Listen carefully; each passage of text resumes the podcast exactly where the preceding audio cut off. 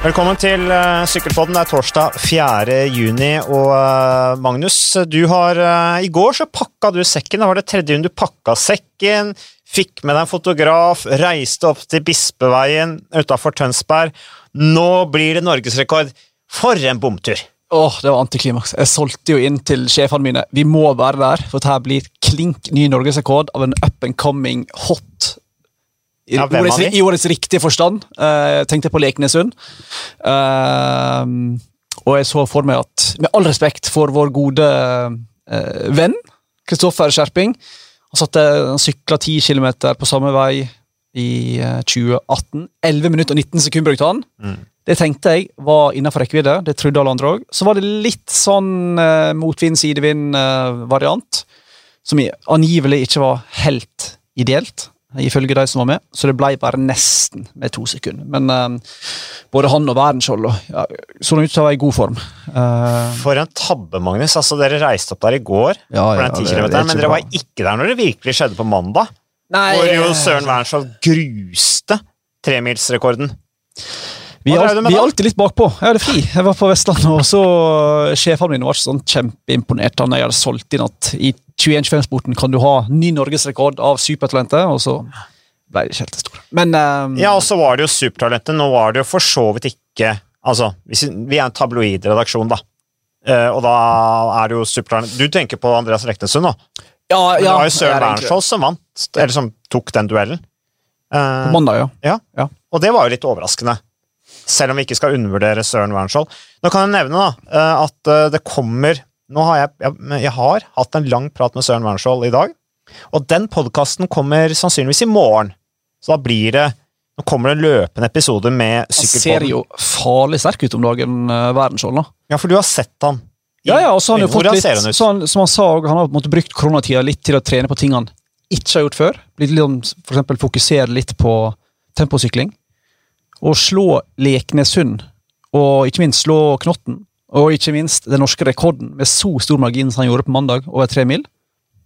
Det er ganske rått, altså. Mm. Og vi vet jo at han har en god spurt. Altså, han er jo en, en eh, I mitt hode iallfall en sånn uh, endagsklassiker. eh, kanskje en Robé-type etter hvert. Mm.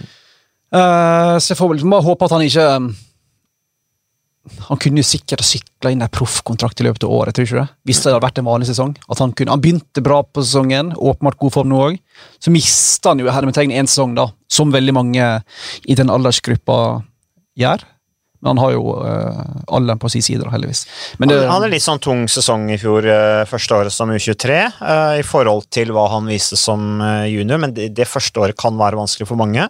Eh, og så har han jo hatt en kanonstart på sesongen med Nå er ikke Rådås rundt det største rittet, men allikevel, da. Mm. En, en fin eh, seier. Og han snakker om alt dette her, hva slags type rytter han tror han er i fremtiden. Dette her med tempotrening, eh, hva han har gjort nå den siste tiden, og hvor mye mer han har trent på temposykkelen nå. Dette får dere mer av i neste episode av Sykkelpodden, som da blir en Søren Wernskjold spesial. Men da hopper vi over på neste med nyhetsbilde, Magnus. Eh, vi er ferdig med det at dere måtte reise slukøret tilbake fra Bispeveien. Uten var- Uten nyhet ble det noe sak i det hele tatt. men alle var enige om at det var en hyggelig tur. Ja. som vi pleier å si.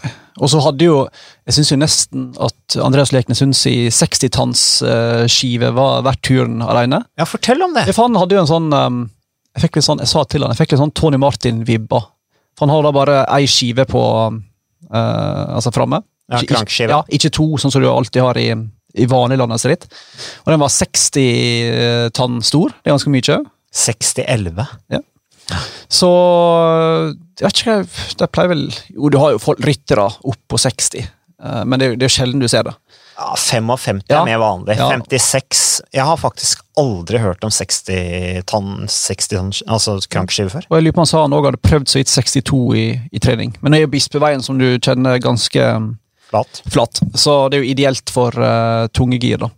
Men um, Nei, Men det, er det jo ikke bare, men det er ikke nødvendigvis det med tunge gir. Det har jo noe med vridningen på kjedet å gjøre. Eksakt. Og ikke bruke uh, For å forklare det litt pedagogisk, da, ikke bruke minste klynga bak, som altså er den tyngste, samtidig som du da har på et tungt gir framme. Altså at du får mest mulig bein linje, da, så ikke kraft forsvinner i, restrik i eh, Det var utrolig klønete forklart. Ja. Ikke kraft forsvinner i ei ubein kjedelinje. Er det tydelig? Jeg syns du var utrolig god til å forklare Ja, takk, nå. Magnus. Det var kjempe, Jeg skulle tro du var ingeniør. Ja, uh, Dette her er jo ingeniørmat. Det er faktisk det. Og Men det det er, begynner å bli petimeternivå uh, på norsk sykkelsport nå, altså. For I og med at du så at uh, Lekne Hund sykla selvfølgelig med sånn ceramic speed, uh, stor uh, tannhjul bak der. eh, hadde en del detaljer som viser at en tilsynelatende tar tempo litt mer seriøst enn en kanskje har gjort tidligere i Norge. Og det er veldig spennende, Magnus. Dette her blir en veldig god teaser da på episoden som kommer ikke i morgen, men i overmorgen, med Lars Holm. Som jo er treneren til både Leknessund og, og Søren Wernskjold. Hvor han snakker om hvordan eh, norske sykkelmiljøet, den modellen som nå eksisterer med UnoX, du har kontinentallagene, du har modellen helt ned til NTG og Vang også, hvordan de bruker på en måte erfaringene fra toppen og tar det ned på eh, skolenivå, og på en måte får disse ungdommene dette her inn med teskje allerede fra ganske ung alder, og også hvordan de henter inspirasjon fra dan dansk sykkelsport. Da. Så det er kjempespennende, men når det gjelder det med 60-tenner og, og godeste mm, Leknessund, eh, så jeg husker jeg hadde podkast med Leknessund etter den der, det intervjuet på Sykkelpodden etter rekorden hans, Strava-rekorden, eh, opp, eh, opp Tryvann. Eh, Og da stilte han liksom spørsmål ja, hvilke, brukte det, hva slags gir brukte du sånn og sånn, jeg husker ikke hvordan det Men da hadde han jo ikke peiling, og jeg ble helt sånn satt ut av det svaret hans. for jeg liksom tenkte, Er det jeg som ikke har peiling nå, eller er det han som ikke har peiling? Men så snakka jeg med Stig Kristiansen, og da sa Stig ja, jeg holdt på å skru av sykkelpodden når jeg hørte det, for Andreas har jo ikke peiling på sånne ting som går på gir og sånne ting, da. Så, men det er mulig han har fått litt mer peiling nå. Apropos eh, Stig. eh, jeg håper med hans velsignelse at jeg kan gjengi det han sa i går. Han, han, han dro en interessant parallell. Han sa i Jeg tror han mente Bergen VM 2017, U23-tempoen. Jeg skal bare legge til at Stig Kristiansen også er sportsdirektør i UnoX. Jeg håper, det går sikkert greit at jeg forteller dette, det er ikke så hemmelig. Men da hadde jeg sett litt på hva som skjedde på tempoen der. Mikkel Bjerg vant den første av sine tre strake U23-VM-titler i Bergen. Tobias Foss ble nummer 17, to og et halvt minutt bak. Når jeg så på watt-tallene, så tror jeg, hvis jeg husker riktig, at uh, Tobias lå på ca. 412 i snitt. Mikkel Bjerg, som er en større rytter, han er ganske stor, enn Tobias Foss, lå på 390, altså betydelig lavere, men vant altså, slo altså Foss med over to og et halvt minutt. Da tror jeg Stig mente at da gikk det opp et lys om at her er det en del moment vi må ta litt mer seriøst, for å sette på spissen. En del eh, moment med aerodynamikk, med utstyr, med sitteposisjon, sånn, som Norge da må liksom opp i ringa. Og som du sier, ta litt etter kanskje Danmark spesielt, da, som har ganske masse ekspertise der med Kasper van Folsach og hele den banegjengen der som eh, kan mye, og som tydeligvis er enda mer avansert enn vi er her, her til lands. da. Ja, Kasper Folsak blir jo nevnt også den sykkelpodden som kommer da, eh, med, med Lars Holm, eh, som jo er blitt en del av støtteapparatet i UnoX. Folsak som jo måtte legge opp banekarriere pga. hjerteproblemer, var det vel, eh, som jo eh, normalt sett burde være ganske klar på det laget som jo satser mot Tokyo. OL, som er så suveren, disse 4000-meters-gutta. Men eh, andre nyheter, eh, Magnus. eh, du har laget en sak i dag på TV2 sine sportssider på nett. Om, Sporten.no, som du pleier å si. ja, hva er det egentlig? Dette er TV2-sporten. TV2 Sporten, ja. Du skriver alltid Sporten. Sporten.com det er jo det der andre nettsida til eh, det der selskapet med ja Kjell Brein og Car kanskje Crew det. Ja, det ble, var en kjempesatsing for noen år siden, husker jeg, med, med Karu og greier. ja. Men, eh, men altså, TV2 Sporten sine nettsider går jo an å si. Den er bedre. Ja. Um, der, der har du laget en sak om uh, Alexander Kristoff, at han er klar til uh, Tour de France. Og fortell! Hva mer kan du si om den saken? Nei, det var bare en sånn Jeg har ikke lest den, skjønner du. eh, statusoppstilling. Uh, han sa det gikk bra på heimbane. Uh, selv om det er litt mer styr med to ekstra unger. Det Men han eh, Eller for hans holdning til hjemmearbeid, så skulle det ikke være noe stort problem, da. Uff a meg. Eh, men han uh, røpte hermetegn sesongplanen. da. Han har fått liksom skissert en plan. Det har jo òg Gino gitt sine elever i NTT. Uh, Carl Fredrik har ikke fått sin ennå. Fikk en beskjed om den nå. Men Kristoff uh, og Bystrøm skal altså sykle så godt som identiske program. Begynner i Vuelta Burgos uh, femdagersritt i Nord-Spania i slutten av juli allerede. Mm. Om det blir noe av i Spania, av alle land, i slutten av juli, det er usikkert. Litt morsomt det at Burgos er flytta på en måte fram. Mm. Det er jo et ritt som normalt er oppkjøringsritt i Spania rundt. Akkurat. Men det virker i hvert fall som de lokale myndighetene er keen på å få det av gårde. Så sannsynligvis blir det. Så er det etterfulgt av endagsløpet Circuito de Geccio. Det ligger ditt hjerte Ja, der, Ja, de det er er jo en, en forstad til Bilbao. Veldig kult ritt. Så er det Dauphiné på begge to. Så er det San Remo. De rekker ikke hjem til Norge og NM pga. flyforbindelsene. Altså, NM går dagen etter San Remo, så det de står over der. Så er det Tour de France. August-september, som folk nå kjenner til. Det er datoen, og så blir det etterfulgt av Banche med Banche i Belgia. Gent Wefelgem, Schrelle Price, Flandern, Dridagse og Robé 25. oktober. Det er altså den provisoriske kalenderen til begge gutta. Så Tour de France og Brosens klassikere og Dauphiné og San Remo er kanskje hovedpunkter på den. da. Hvor mange er det som er på den eh, Tour de France-bruttolista til eh, UAE? No idea. Nei. Jeg veit ikke. Så det du sier, er at Sven Erik Bystrøm er i den bruttotroppen? Ja, jeg sa, han skrev vel òg Ja, gleder meg til ny tur til Frankrike. Så, ja. Ja. så han skal litt, ja. Da For planen er vel at Tadej Pogacar, slovenske stjerneskuddet, leder sammenlagtambisjonene der. Gaviria har vi ikke hørt noe særlig om. Uh, for han hadde jo som, som kjent korona. Fikk jo det nede i UAE Tour. Jeg er godt i gang med opptreninga, men det er ikke kommet noen lekkasjer der om hans program. Philipsen skal til Vueltaen. Fabio Aro er vel en stor gåte. Tipper det blir Giro. Ja. Jeg tror ikke jeg tør å basere noe som helst på han i, i Tour de France. Nei. Han eh, er leder på markedet, og jeg tipper han er ute av det laget. Altså. Men interessant er jo som uh, Gino van Odenhove sa i går òg, er at én ting er Tour de France alltid er det viktigste, men det har aldri vært viktigere enn det er nå. Så han sier at vi må stille med vårt aller sterkeste mannskap dit. Det betyr selvfølgelig at Edvald skal, Mikael Wahlgren skal, og jeg tar da i tillegg med en fyr som Pozzo Vivo. Jakta på etappeseiere i, i fjella. Så de går med et NTT, altså går med et uh, lag basert på etapper. Ikke sammendraget, Sånn men tar, sånn med, fjor. da, ja, ta med seg de sterkeste rytterne som de kan få etappeseiere på. Da. Mer enn å ta med en rytter som kan bli topp 15 i, i sammendraget. Da. Ja, tenker du på Menkes? Det kan godt hende. Han burde jo bli mye mer sånn uh, etappeplukker, tenker jeg, mm. i, i fjelletappene. Gå tidlig i brudd. Altså, sammenlagt ambisjonene hans har gått dukken, etter min mening. Det blir for mye for han. Han er for skjør som rytter. Passer han mye bedre å gå for enkeltetapper og mindre etapperitt. Men det har jo en del ryttere som Ben O'Connor som kan sykle gode sammendrag. Men jeg vet ikke Han om er han også en fantastisk etappeplukker, da. ja. Så det kan hende han er, med, er usikker. Men i fall, de sender jo da uh, ja, kun Det beste laget har til å plukke etapper, sender de til Tour de France. Og det er jo som for de som mange andre lag at det er jo ikke helt avklart hva framtida bringer neste år. Nisolo, apropos. Han skal nok eh, Vil tippe han skal. Opptrekksduo der kan jo være Edvald Nisolo. Han skal i hvert fall sykle Polen rundt sammen med både Fossum Tiller og Edvald før Sandremo, Som oppladning til San Uh, Fossum Tiller, ikke Tour de France. Jeg sånn, selvfølgelig. Han skal til Treno Adriatico isteden. Og som gjenforenes da, eh, Boasson Hagen og Fossum Tiller etter Tour de France i Bink Bank Tour, og sykler jo da de fleste klassikerne etter det. Sammen som Bystrøm og, og Alex. Du verden hvor mye bra nyheter du har å komme med her nå, Magnus. Men er det nyheter dagen derpå når podkasten blir publisert? Eh, Nei, men den, Vi prøver å få den podkasten her på så kjapt vi kan etter at vi har spilt den inn her, med så mye bra nyheter. Ja, det det er bra. Eh, Så Men han sa jo Gino at eh, han, Gino skal jo da få et veldig fint program for seg.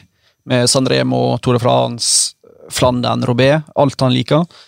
Men han er jo i en sak vi publiserte nå, så sier han at det, han ser på det personlig som 50-50, om det blir noe av. Men at det ikke blir som et vanlig ritt. eh, Og at han kanskje heller 51-49, var det han sa, mot at det kanskje ikke blir. Eh, For det som han Det, det, det vi vet, er jo at det, det er jo en slags eh, Det er jo en diskusjon som pågår mellom både UCI og AS, ASO og lagene nå. Hvor strenge reglene må være. Hva, hvor mange forholdsregler må vi ta? Hvor masse karanteneproblematikk blir det?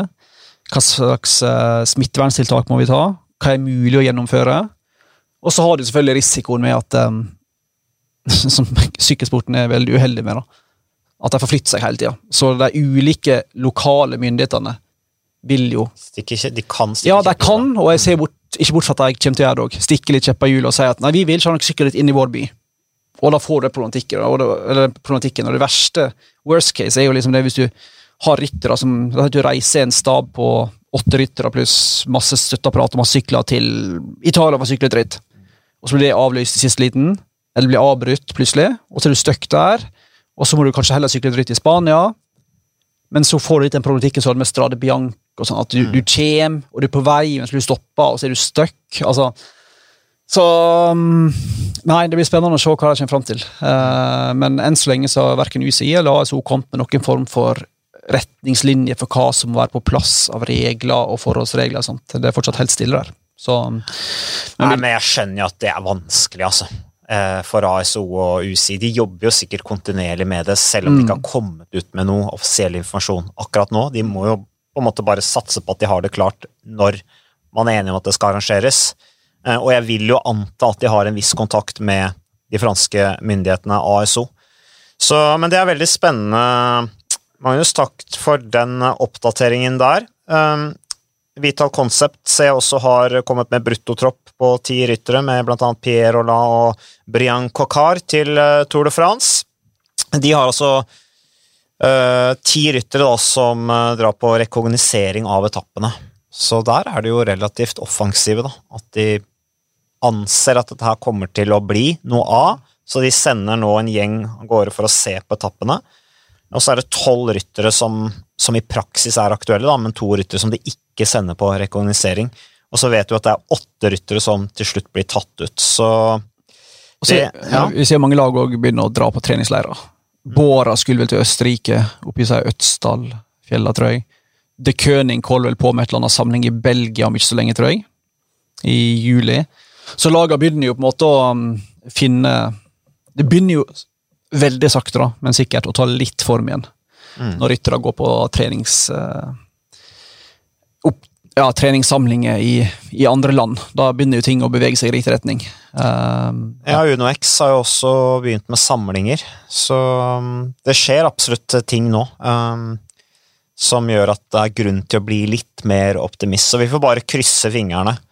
Og så er det noen lag som måte bare flekse musklene om dagen, føler jeg. Vi så jo tidligere i dag, altså torsdag, at uh, FDG blant annet offentliggjorde at Pinot, Gaudu, King og DeMar, det er fire fantastiske ryttere, har signert nye treårskontrakter, tror jeg det var. Mm.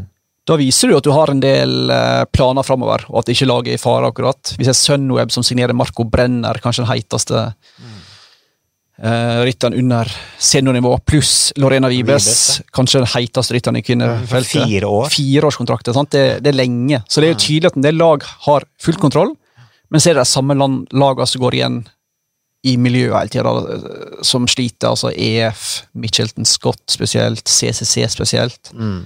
Uh, Iallfall de tre lagene. Og så har vel òg Astana ikke alltid hatt det så enkelt. Men Astana lever litt sånn i et sånt EF parallelt univers. Education var det litt sånn signaler. Jeg så en tweet her fra Jonathan Walters at uh, der trengte de opplagt penger, altså. Uh, de, han skrev det jo Det kan ikke tolkes som noen annen måte enn at de er på jakt etter flere sponsorer, men at EF er med videre. Så der har de opplagt problemer. Ja, det har de. Så um, Og igjen problemer, da. Eh, det er jo et lag som jo har hatt trøbbel før. Ja, det er det absolutt.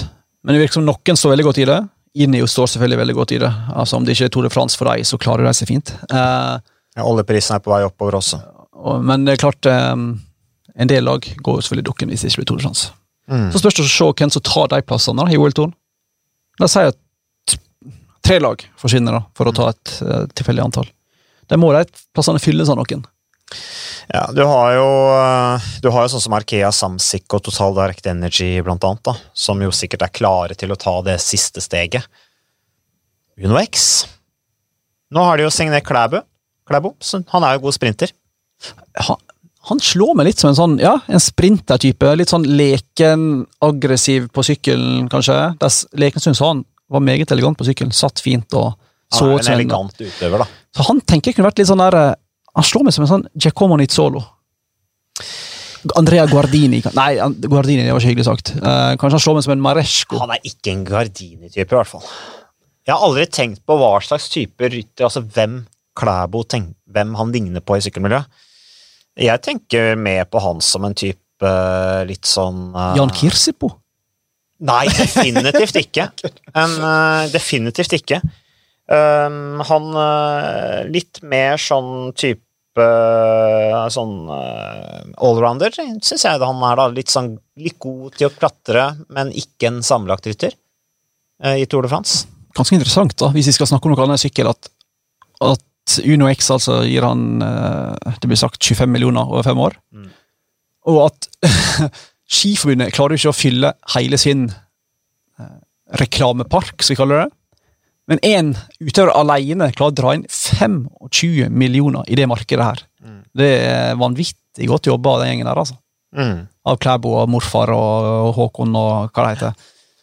Nei, De er et bra team, uh, og jeg syns jo det er et skup av Uno X for øvrig. For nå er de jo veldig dekka opp, da, både med sommer og, og vinter. Så det er uh, ja, egentlig utrolig smart av de, syns jeg. Så, men nå hadde ikke jeg egentlig det her på agendaen. Jeg tenkte faktisk vi skulle se om vi kunne få en egen podkast om bare det.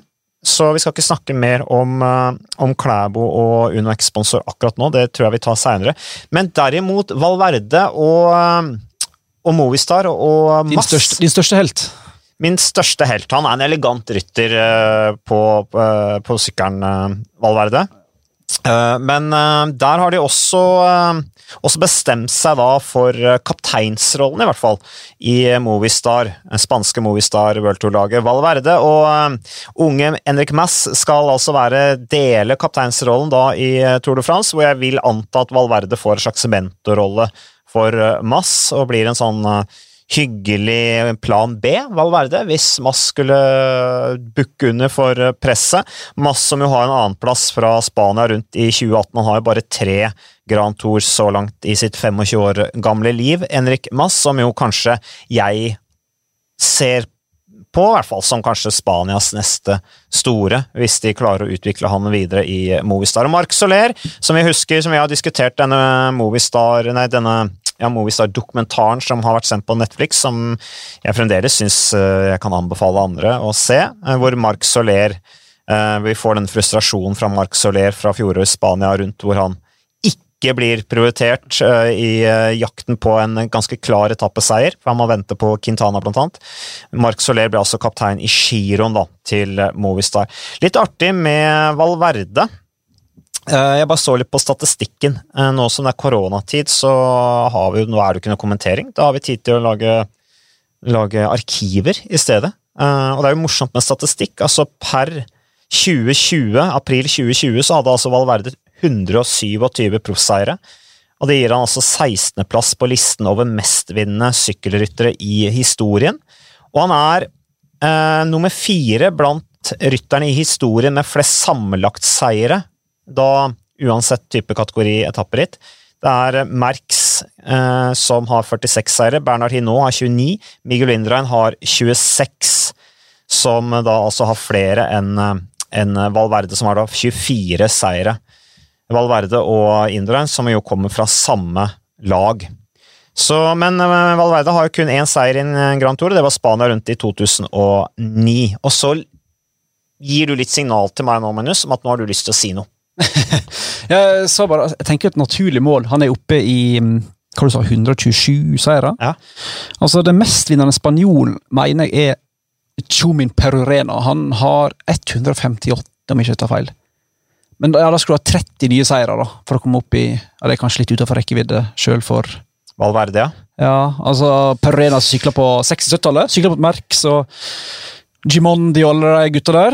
Eh, fra Ojartsund i eh, ja, San Sebastian. Det er vel der Neil Stevens, UAE-direktøren òg, mm. bor, tror jeg. Ojartsund. 158 seire, ja. Han vant vel òg uh, Han vant aldri Spania rundt, faktisk. Han var nummer to. Uansett. eh, Valverde bør jo som tidenes største spanske syklist ha som mål å, å stå igjen som den mest suksessrike målt i antall seire, tenker jeg. Jeg tror faktisk han er litt opptatt av det, men 30 eh, er kanskje litt masse. ja. Så Valverde har en statistikk som er bare helt sinnssyk. Altså, eh, hva gjelder VM, da, så altså hvis han hadde vært en nasjon, så ville han vært på niendeplass på lista over land med flest medaljer i, i herrenes fellesstart. Eh, og han er altså den nest eldste vinneren av en VM-fellesstart etter Jopp Sotemelk, som vel vant VM i 1986. Tror det stemmer. At gamle Jopp Sotemelk som en gang var 39 40? Var han ikke 40? sant? Jeg tror han var over 40. Så, øh, men det er, det er litt morsomt. Valverde, evig unge Valverde, er altså delt kaptein da, i øh, Tour de France sammen med Henrik Mass. Så får vi bare håpe at det blir et uh, Tour de France. Du nevnte Lorena Vibes, nederlandsk mester, meget spurtsterk.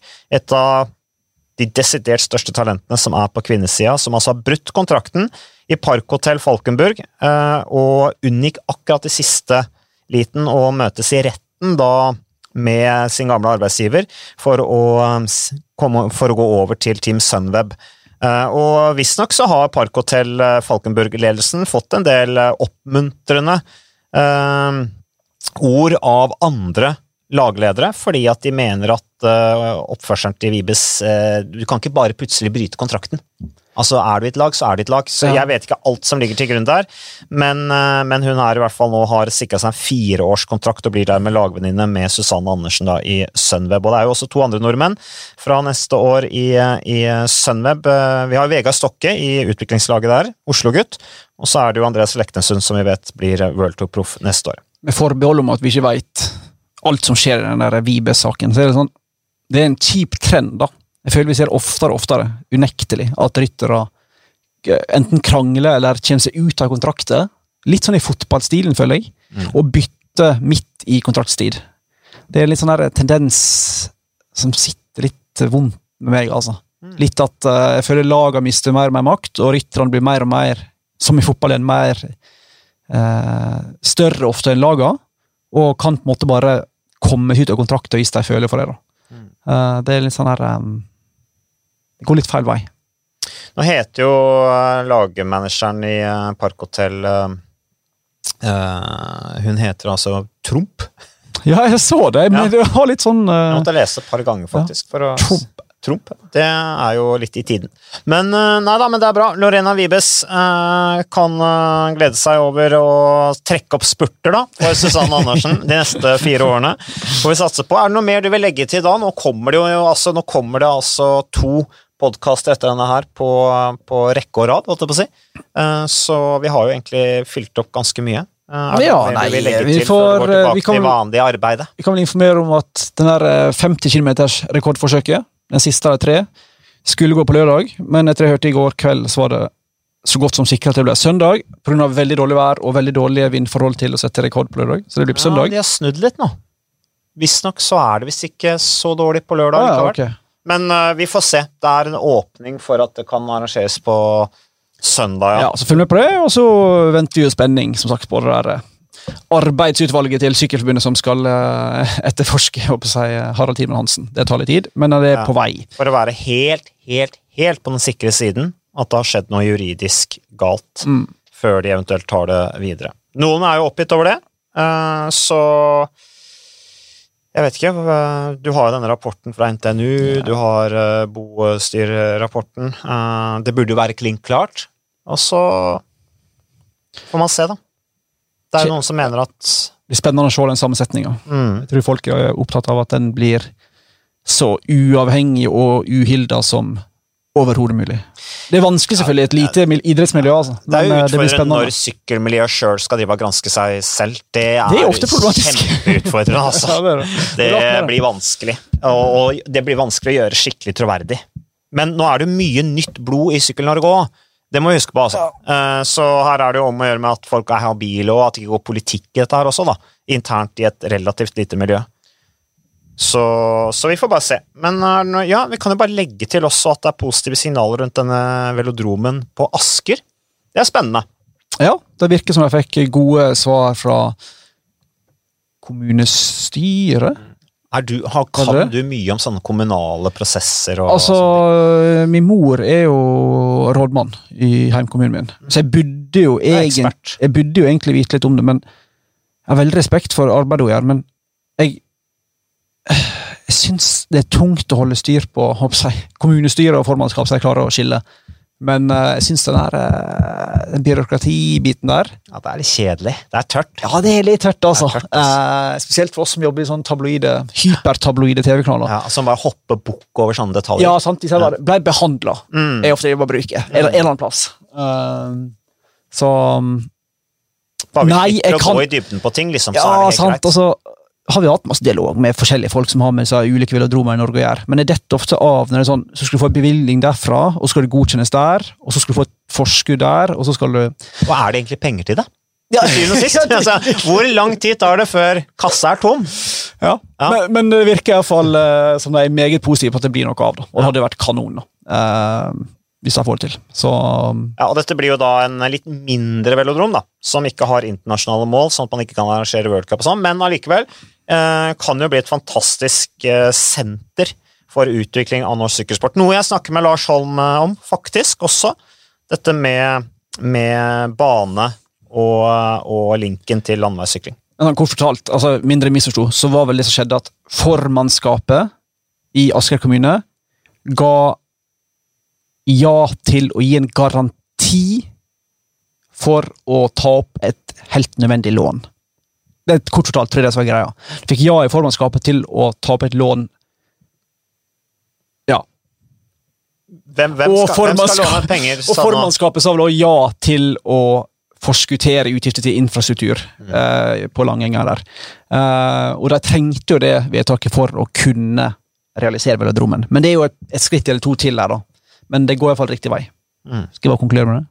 Vi Det eh, er positive signaler. Eh, Så, eh, og Jan Oddvar Sørnes, sykkelpresidenten, har, er jo interessert i å snakke mer om det, så det er noe vi kan følge opp mer også på, på Sykkelpodden. Men da tenker jeg at vi gir oss der, Magnus. Som jeg sier det for er det tredje eller fjerde gang. Jeg sier at det kommer nå to episoder til.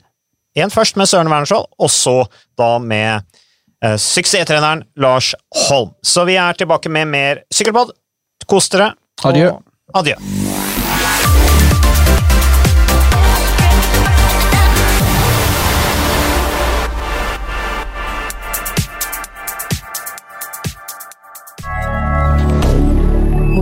Canada.